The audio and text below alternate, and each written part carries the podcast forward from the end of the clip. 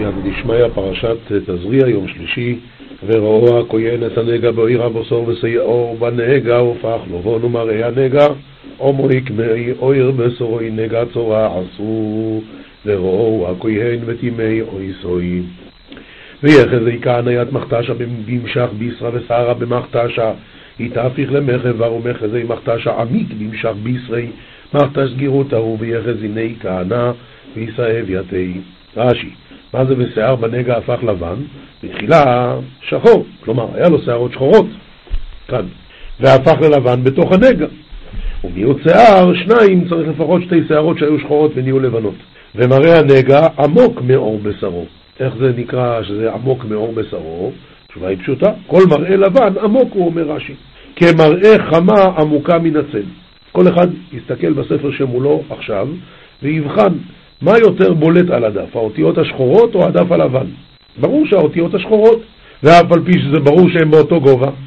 הרי הדף הוא חלק, אבל בכל זאת, מראה הנגע עמוק, למה? כי הוא לבן יותר. ברגע שהוא לבן הוא נראה יותר עמוק. וטימא אותו, יאמר לו טמא אתה, ששיער לבן סימן טומאה הוא גזירת הכתוב. ואם בארץ לבונוי באויר בשורוי ועומוי כן מראהו מינו אויר ושערו לא יהופך לבון והסגירה כהנס הנגע שבעת יומים ואם בהר החבראי במשך בישרי והמקלית מחזה מן משחה ושער עלי תהפיך למחבר ויסגר כהניית מפתשה שבעה יומים. רש"י, ועמוק אין מראה, לא ידעתי פירושו. והסגיר יסגירנו בבית אחד, ולא יראה עד סוף השבוע, ויוכיחו סימנים עליו. אנחנו נראה בעוד שבוע, נראה מה המצב. עכשיו, מה, מה נראה? אז הוא מסביר הלאה. וראו הכהן ביום השביעי, והנה הנגע עומד בעינו ולא יפוסו. הנגע בו אויר והסגירו הכהן שבעת יומים שהניס, ויחז הנה כהנא ביום השביעה, והמחתשה קם כד הווה, לאוסף מחתשה במשחה, ויסגיר הנה כהנא שבע יומים עניינות. אומר רש"י, והנה הנגע עמד בעיניו, מה זה בעיניו? במראהו בשיעורו הראשון. והסגירו שנית, אם פשע בשבוע ראשון, טמא מוחלט. כלומר, אם זה יתרחב יותר, אז כבר טמא מוחלט בשבוע הראשון כבר. אבל אם לא פשע הנגע ברור, לא פסע הנגע ברור, ועמד בעיניו, אז עוד שבוע נכניס אותו להסגר. וראה, עכשיו פסוק כבר, ורואו הכהן או יסוי ביום השביעי שניס והנה קרו הנגע ולא יפוסו הנגע בו עויר וטיהרו הכהן מספר עשי דריבז בגודו וטוהר ויחזי כהנא יתי ביום השביעה עתעניינות והעמיה מחתשה ולאוסף מחתשה במשחה וידע קיני כהנא עתיתאי ויצבע לבושוי וידקי כהה והנה כהה הנגע, מה זה כהה?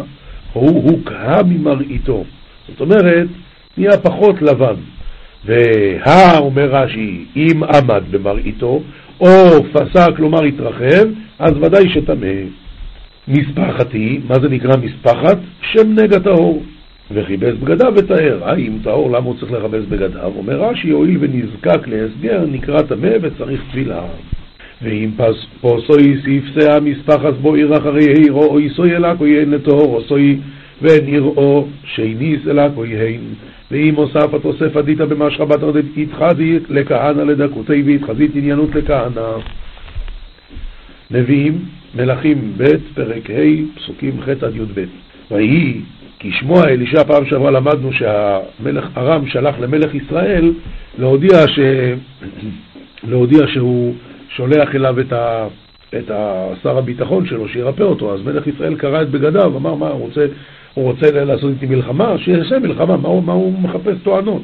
ויהי כי שמוע אלישע איש האלוהים כי קרא מלך ישראל את בגדיו וישלח אל המלך לאמור למה קראת בגדיך? יבוא נא אליי וידע כי יש נביא בישראל.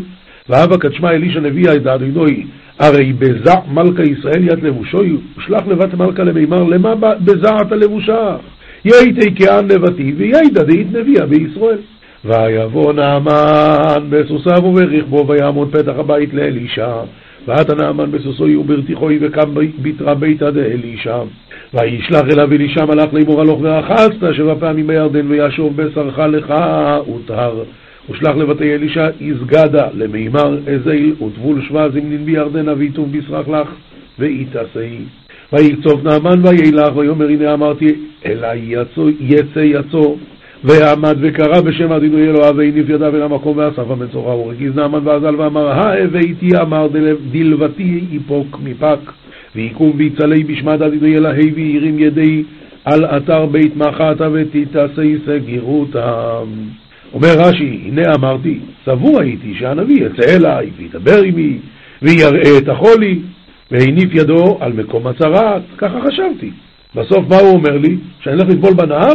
הלא טוב אבנה ופרפר נהרות דמשק מכל מימי ישראל, הלא ארחץ בהם וטהרתי, ויפן וילך בחימה.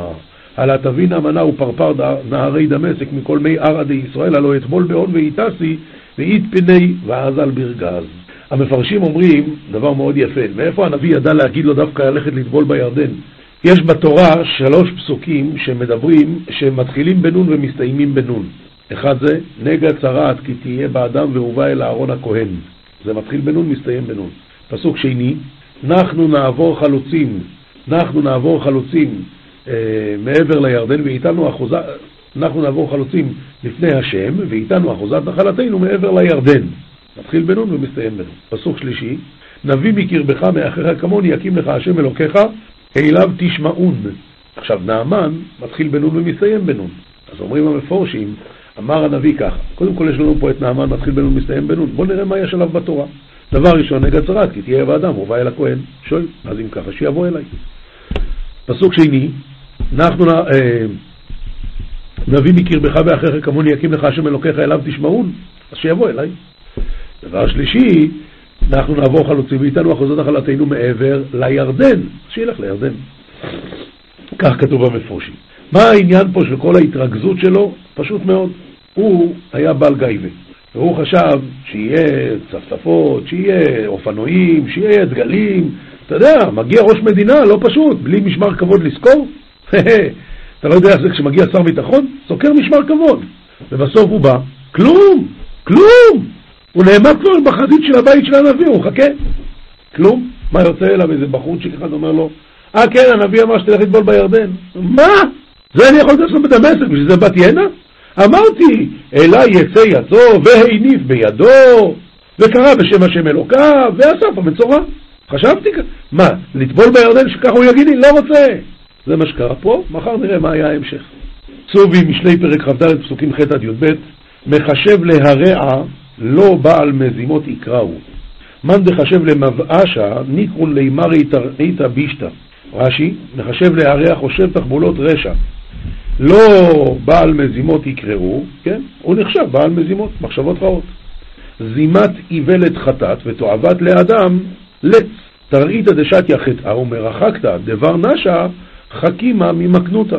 רש"י, זימת איוולת עצת איוולת, חטאת ליבי עליה, ותועבת לאדם לץ. ליצנות היא המתעבת האדם על הקדוש ברוך הוא ועל הבריות. הקדוש ברוך הוא מתעב ליצנות. אוי, בין שלי. ליצנות אחת דוחה מאה תוכחות חז"ל אמרו. ליצנות אחת דוחה מאה תוכחות. כן, התרפית ביום צרה, צר כוחך. היי, אין תתרפא ביום הדאקתא, מתתאיק חילך. רש"י, התרפית, הכוונה מן התורה.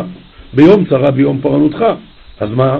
אם אתה התרפית מן התורה, אז כשיגיע הזמן שיש לך חס וחלילה צרה, אז אין לך כוח לעמוד בזה.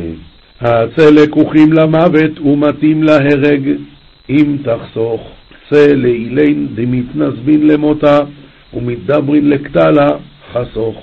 רש"י, הצל את לקוחים למוות ואת המתאים להרוג אם תחסוך מלהצילם. על זה אמר קיצר כוחך. כן. בהסבר כאן בצד הוא מסביר, הצל את הנלקחים למיטה ואת הנוטים קרובים להריגה, תציל אותם, ואם תימנע מלהצילם, אף כוחך יחלש בעת צרתך. כי תאמר הן לא ידענו זה, הלא תוכן ליבות הוא יבין, ונוצר נפשך הוא ידע, והשיב לאדם כפועלו. ואם תימר דלה ידע נדע, הלא תראית דליבה אלאה בעצי ודנתר נפשך, הוא ידע, ופרע לבר נשה, איך עובדוי. מסביר כאן בצד, שמא תאמר לא ידעתו שהוא קרוב למיתה. הרי הקדוש ברוך הוא שהוא בתוככי הלבבות, הוא מבין המחשבות ושומר נפשך, הוא יודע האמת, והוא ישלם לאדם עונשו כמעשיו. אתה, לא, אתה יכול לספר סיפורים לכל העולם, אבל הקדוש ברוך הוא יודע אם אתה ידעת שהוא קרוב למיתה ולא הלכת להציל אותו, או שלא ידעת, אז רק השם יודע. ולא, לא, לא תוכל לספר סיפורים, הוא יודע את האמת. משנה מסכת כתובות פרק י"א אלמנה ניזונת מנכסי יתומים, אז מעשה ידיה שלהם. הדין הוא שכשבן אדם מת, אשתו יכולה לגבות את הכתובה. ברגע שהיא גבתה, נגמר, נגמר הקשר שלה לכסף של בעלה. אם היא לא גבתה, אז זה תנאי כתובה שלעת עתה יכולה להתפרנס מהכסף שיש בקופה של הירושה. אבל אם היא ניזונת מנכסי יתומים, אז הדין הוא שמעשה ידיה שלהם, כמו שבחיי בעלה תקנו חכמים, שמעשה ידיה תחת מזונותיה, ככה גם אחרי שהוא מת. אם היא ממשיכה להתפרנס מהכסף של היתומים שירשו מאבא, אז הדין הוא שמעשה ידיה שלהם. ואין חייבים בקבורתה, שזה חלק מהתנאי כתובה. אה, למה? אומר הרב שהבעל חייב בקבורתה תחת ירושתה, ועכשיו שיורשיה גובים כתובתה מיורשי הבעל, הם יקברוה. הרי מה קרה? היא מתה. אז מי הולך לקחת את הכסף עכשיו? היורשים שלה, שהם יקברו אותה. יורשיה, יורשי כתובתה, חייבים בקבורתם. משנה ב' אלמנה בין מן האירוסין בין מן הנישואין מוכרת שלא בבית דין. ולמה היא מוכרת שלא בבית דין?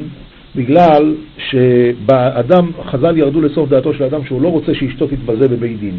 היא תבוא וישאלו אותה וזה, לא, לא, לא רוצה. ולכן הדין הוא שהיא יכולה למכור בנכסיו בלי שומה של בית דין של שלושה. רבי שמעון אומר מן הנישואין מוכרת שלא בבית דין, אבל מן האירוסין לא תמכור אלא בבית דין, מפני שאין לה מזונות. וכל שאין לה מזונות לא תמכור אלא בבית דין. אמ, אומר הרב, אומר הרב, רבי שמעון אומר מן הנישואין שהיא מוכרת למזונות, אז באמת מוכרת שלא בבית דין, שאי אפשר לה להיות יושבת ומטענה עד שיזדקקו לבית דין.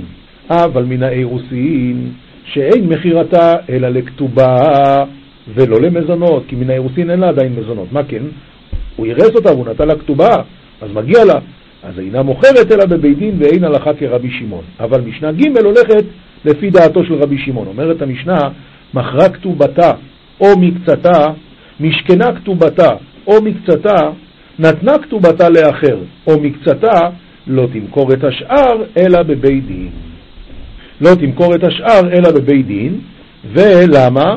בגלל שברגע שהיא עשתה דבר כזה, היא הרי כבר לא ניזונת משל בעלה, אז לכן, בכל מקרה, לא תמכור אלא בבית דין. וחכמים אומרים, מוכרת היא אפילו ארבעה וחמישה פעמים, ומוכרת למזונות שלא בבית דין, וכותבת למזונות מכרתי, וגרושה לא תמכור אלא בבית דין. זאת אומרת, חכמים שחולקים על רבי שמעון וסוברים, שנשואה לא תמכור בבית דין, וארוסה גם היא לא תמכור בבית דין, כלומר גם שזה לא למזונות, אז הדין הוא שלא מוכרים בבית דין, כי אדם לא רוצה שאשתו תתבזה, זו דעתם של חכמים. ממילא חכמים אומרים, מוכרת היא אפילו ארבעה וחמישה פעמים, ומוכרת למזונות שלא בבית דין, וכותבת למזונות מכרתי. בבית, וגרושה לא תמכור אלא בבית דין. זה חכמים מודים שאם הוא גירש אותה, ועכשיו מה שהיא גובה זה את הכתובה אחרי גירושין, אז ברור שבן אדם לא אכפת לו שגרושתו תתבזה, זה בוודאי לא אכפת לו. ולכן הדין הוא שגרושה לא תמכור אלא בבית דין. משנה ד' אלמנה שהייתה כתובתה 200 ומכרה שווה מנה ב-200 או שווה 200 במנה, נתקבלה כתובתה. היא הלכה ומכרה שדה של היתומים כדי לגבות את הכתובה. עכשיו היא עשתה טעויות. היא מכרה שדה של שווה מנה ב-200.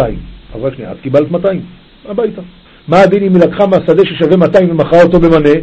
גם אז הדין הוא שכאילו שהעיצומים נתנו לה 200. אנחנו אשמים בטעויות שלך? הייתה כתובתה מנה ומכרה שווה מנה ודינר במנה, אז מכרה בטל. זאת אומרת, אם, אם היא הייתה, היא, היה לה כתובה של מנה אחד, והיא מכרה שדה ששווה מנה ודינר במנה אחד. אז הדין הוא שהמכר בטל, אפילו היא אומרת, תחזיר הדינר ליורשים, מכרה בטל. ולמה? כיוון שאותו דינר לא היה לה בכלל רשות למכור. היה לה מותר למכור שדה, מה שמגיע לה. אבל אם היא מכרה שדה ששווה יותר ממה שמגיע לה, אז איך את מכרת? כל המכר בטל. והיא לא יכולה להגיד, שמע, אתה יודע מה, מכרתי יותר מדי, הנה, אני מחזירה לכם את החלק שמגיע לכם. לא, המכר בכלל לא קיים. רבן שמעון בן גמליאל אומר, לעולם מכרה קיים, ומה שהיא לקחה יותר מדי, שהיא תחזיר. עד שתהא שם כדי שתשייר בשדה בת תשעה קבין. אלא אם כן, אומר רבי שמעון, ורבי שמעון גמליאל, אני סובר שהמכר קיים, שהיא תחזיר את מה שמגיע ליתומים, רק אם כל כך הרבה היא מכרה יותר, שזה כבר שווה שדה של תשעה קבין, אז הדין הוא שבמקרה כזה המקח בטל. ובגינה בת חצי קו. אם זה לא בשדה אלא בגינה, אז בת חצי קו. והלכה לא כרבן שמעון גמליאל. ממשיכה המשנה, וכדברי רבי עקיבא בית רובע. וכדברי רבי עקיבא בית רובע, שזה שיעור של גינה. טוב. הייתה כתובתה 400 זוז, ומכרה לזה במנה ולזה במנה, ולאחרון יפה מנה ודינר במנה. אז של האחרון בטל ושל כולן מכרן קיים. כלומר, רק באחרון הייתה טעות, ולכן רק המכירה האחרונה היא זאת שבתהילה. שום הדיינים באו לבית דין ואמרו, רבותיי הדיינים, אנחנו צריכים לשום את השדה כי צריכים לשלם כתובה, צריכים לשלם לבעלי חובות. הלכו הדיינים ושמו, והדין הוא שמה שקרה זה שהדיינים טעו. שום הדיינים שפיחתו שטות או הוסיפו שטות. אם זה הגיע לשישית, אז הדין הוא מכרם בטל. ואפילו בקרקעות שאין הונאה לקרקעות, אבל אדם לא מעלה בדעתו שהוא יתענה על ידי בית דין. ולכן אפילו בקרקעות אצל בית דין קפדי אינשי, והדין הוא שהשומה בתהילה והמכר בטל. רבן שמעון בן גמליאל אומר מכרם קיים, דאם כן, מה כוח בית דין יפה? אומר הפוך, בבית דין עד חצי מהערך זה קיים, כי אחרת מה, בית דין כוח, מה, מה כוח בית דין יפה? אבל אם עשו איגרת ביקורת, אפילו מכרו שווה מנה ב-200 או שווה 200 במנה, מכרן קיים. אם בית דין עשו את ההערכה לא על ידי שהם עשו, אלא הם אמרו, כל אחד יכול להיכנס. איגרת ביקורת, הכוונה, כל אחד ילך לבקר את השדה, לבקר, לעשות ביקורת, לראות כמה השדה הזה שווה. ואז במקרה כזה, בכל מקרה, אפילו בטעויות של כפול שתיים או חצי, הדין הוא שזה קיים. הממאנת זה קטנה שהסיעו אותה אחיה ואימה והיא הגדילה, אז היא יכולה להגיד אני לא מעוניינת. הממאנת והשנייה, שניות לאריות, הם אסורים מדברי סופרים. והאיילונית, שניות לאריות, הכוונה, התורה אסרה אישה וביתה, זאת אומרת שאם אני נשוי לאישה אסור לי להתחתן עם אימא שלה, מה הדין עם סבתא שלה? זה כבר נקרא שניות לאריות שחכמים הוסיפו. אז הממאנת והשנייה והאיילונית, כל אלה אין להם כתובה לא מנה ולא 200. וגם לא פירות ולא מזונות ולא בלעות. כל מה שכתוב בכתובה אין להם כלום. רש"י, אה, רבינו עובדיה ברטנורה, לא פירות, הפירות שאכל הבעל אין מוציאים ממנו, ולא מזונות כגון אם לבתה ואכלה בעודה תחתיו, ואחר כך מי ענה? אין הבעל, חייב לשלם. אבל חייב במזונותיה בעודה תחתיו. והשנייה והאיילונית, אין להם מזונות בעודן תחתיו, וכל שכן אם לבו ואכלו, שאין הבעל חייב לשלם. אבל כל זה דיברנו כשהוא לא ידע כשהוא התחתן איתה שהיא איילונית, ואם מתחילה נשאה לשם איילונית, אה, אז זה לא מקח טעות, אז למה שזה יתבטל? בשניות לאריות זה איסור, בממאנת, נו, אז, אז זה לא אשתו, אבל באיילונית, אז מה הבעיה? שזה מקח בטל בגלל שהוא לא ידע שהיא איילונית, זה מקח טעות, בסדר, אבל אם מתחילה נשאה לשם איילונית, יש לה כתובה. אלמנה לכהן גדול, גרושה וחלוצה לכהן אדיוט, ממזרת ונתינה לישראל, בת ישראל נתינו להם ממזר, כל אלה יש להם כתובה, יש להם כתובה. טוב? ולמה? כי אמנם הוא נשא אותה באיסור, אבל דברי תורה לא צריכים חיזוק.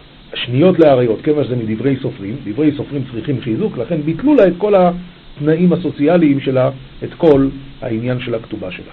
גמרא, מסכת כתובות דף צדיק ב' עמוד ב', איבעיה לאו, ניזונת תנן או הניזונת תנן.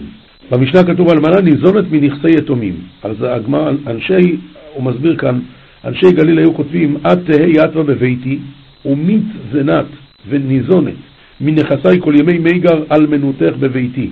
שזה היה אצלם תנאי בכתובה שהאישה תהיה יושבת בביתו וניזונת מנכסיו.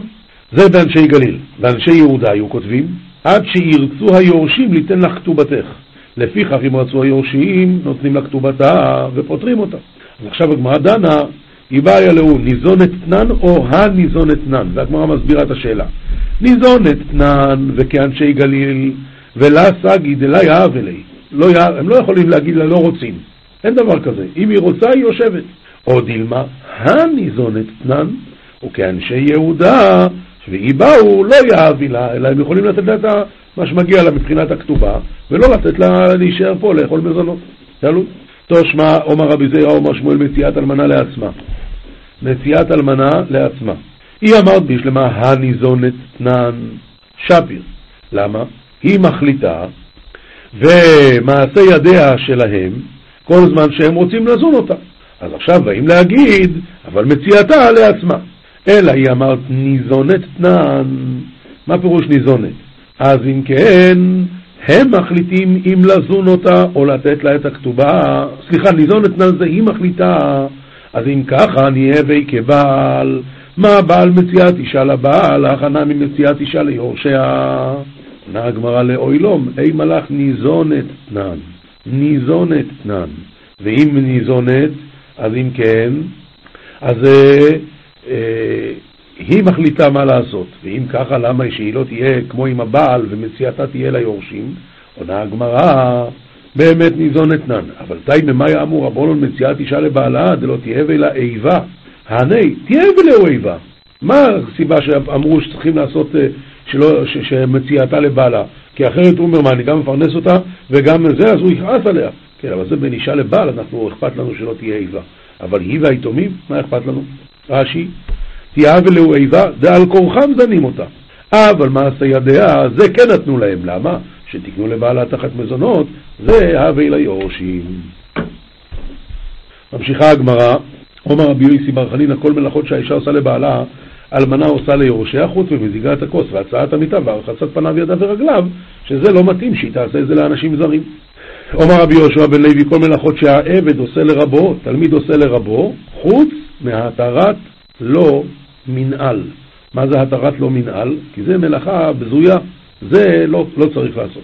אומרו ולא אמרן אלא במקום שאין מכירים אותו, אבל במקום שמכירים אותו, לאיתלן בא, הוא יכול לעשות גם את זה. מה יש? אף אחד לא יחשוב שהוא עבד. נכון שזה מלאכה בזויה, אבל בן אדם מוכן לעשות בשביל רבו גם, גם מלאכה הכי בזויה בעולם. עומר רב אשי, הוא במקום שאין מכירים אותו, נמי לא אמרן אלא דלא מנח תפילין.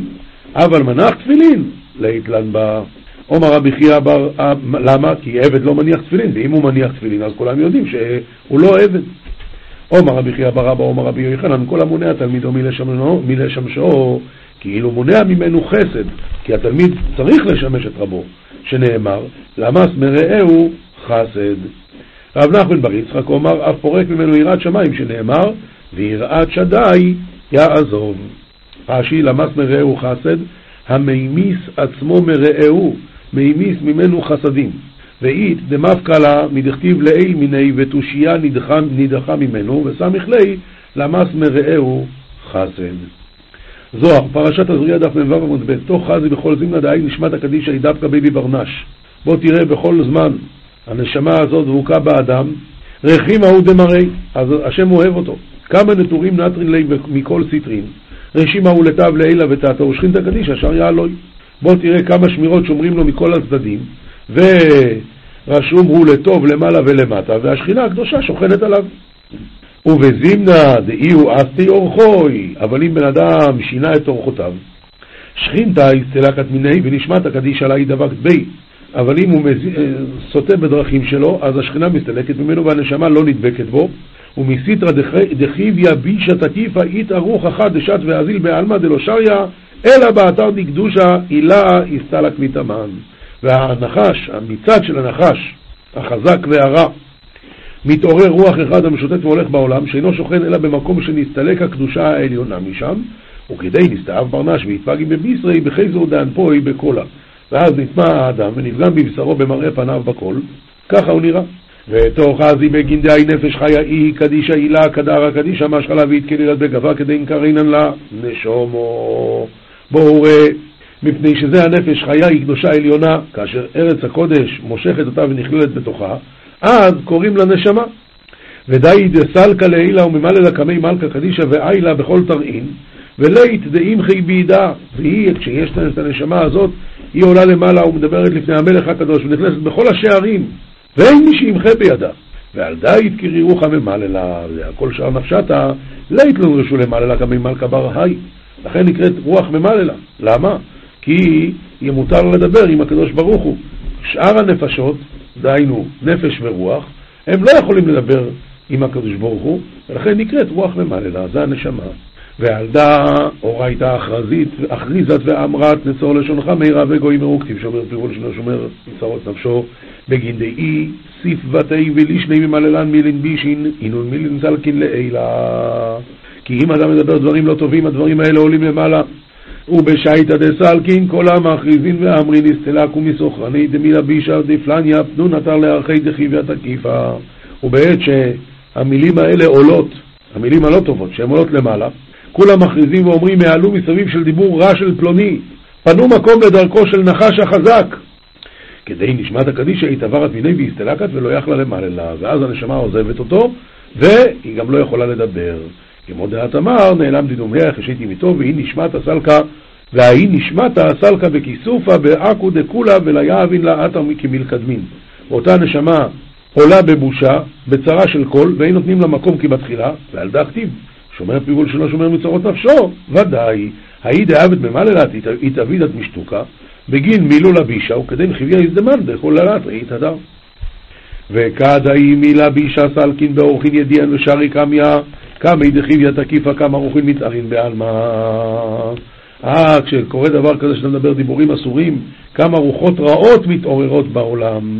ורוח הנחת מהרוסית רבה אשכתהו ברנש יתאר במילה בישה, ורוח טמא יורד מאותו הצד ומוצא שאותו אדם עורר אותו בדיבור רע, והרוחא ממלא לקדישא יתעברה מיני כדי נשריין עלוי וסייב ליה וכדי נו סגיר, ומוצא כי הרוח המדבר הקדוש עבר ממנו. אז שוכן עליו ומטמא אותו, ואז הוא מצוירו. כמעט דעון שדאי ברנש בגין מילה בישה, כך עונשי בגין מילתה ודעתי לידי ויחיד למעלה ולא מליל. כאן הוא אומר חידוש עצום, שאותו עונש שמגיע לבן אדם על זה שדיבר דברים רעים, אותו עונש מגיע לו אם הוא יכל לדבר דברים טובים ולא דיבר. בגין דפגים לאור רוחמים מעללה, דהי יצקנת למעללה לעילה ולמעללה לטאטה, וכולה בקדושה. כל שכן יאה מאזין ברוך הקימה והוא יחי למעלה לאור ולהוכיח לאור, ושתק ולא מעלל. כל שכן עם דברים שנעשים לא טובים, הוא היה יכול להוכיח אותם, והוא לא מוכיח אותם. אוי ואבוי. כמה דאמינא דכתיב נעלמתי דומיה, החשייתי מטוב, וכאבי נעקר. נעלמתי דומיה, החשייתי מטוב, שלא אמרתי תוכחות. אז כאבי נעקר, כמה דאמינא... נעקר במחתשין דמסעבותא, בנגעים, נגעים של צרת. אוי ודאו דאמרו דוד מלכה, דוד מלכה אלוהי אלקי בהאי ואית פני מיני. ולכן כתוב שדוד המלך היה לו באמת צרת, אחר כך נתרפא ממנה, דכתיב פני אליי וכל עיני. מהו פני אליי? כי מה דעת אמר ויפן אהרון שהשם ריפא אותו מהצרת. נחתו רבי חייא ורבי יויסי נשקו, רבי חייא ורבי יויסי ירדו ונתנו לו נשיקה, הזדבקו כחד הכל ההוא אורחה והלכו בעוד בדרך ביחד כל אותו הדרך, קרא רבי חייא עליו ואורח צדיקים כאור נוגה הולך ואור עד נכון היום. הלכה פסוקה, רמב"ם הלכות מעשי הקורבנות פרק ג' במקום שסומכין שוחטין ותכף לשמיכה שחיטה.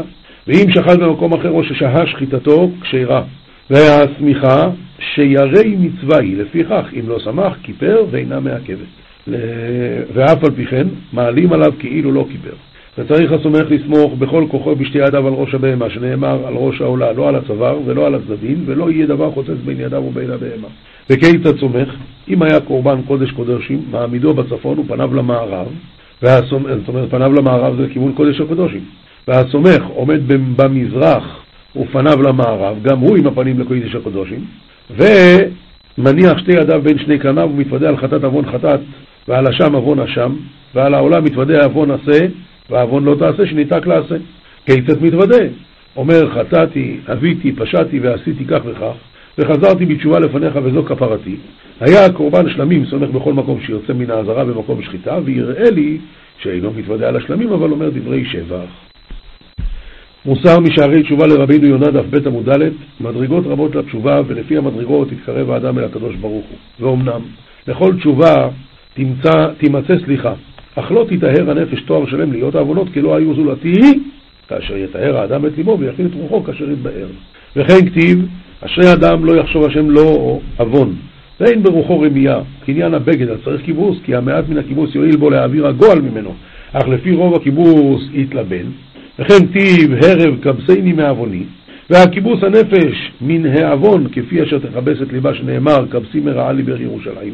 ואמרו אבותינו זיכרונם לברכה, אשרי איש ירא את השם בעודו איש. רצונו לומר, כי תשובת האדם המעולה בימי בחורותיו בעוד כוחו עליו, ויתגבר על יצרו. אכן, כל תשובה מועילה, כמו שנאמר, תשב אנוש עד דקה, ותאמר שובו בני אודום. ואמרו זיכרונם לברכה עד דכדוכה של נפש. הקל הטוב וחפץ בתשובת השבים ישיבנו, ויזכנו לחזור בתשובה שלימה ולהשלים תיקון נפש, רוח ונשמה, כן יהי רצון.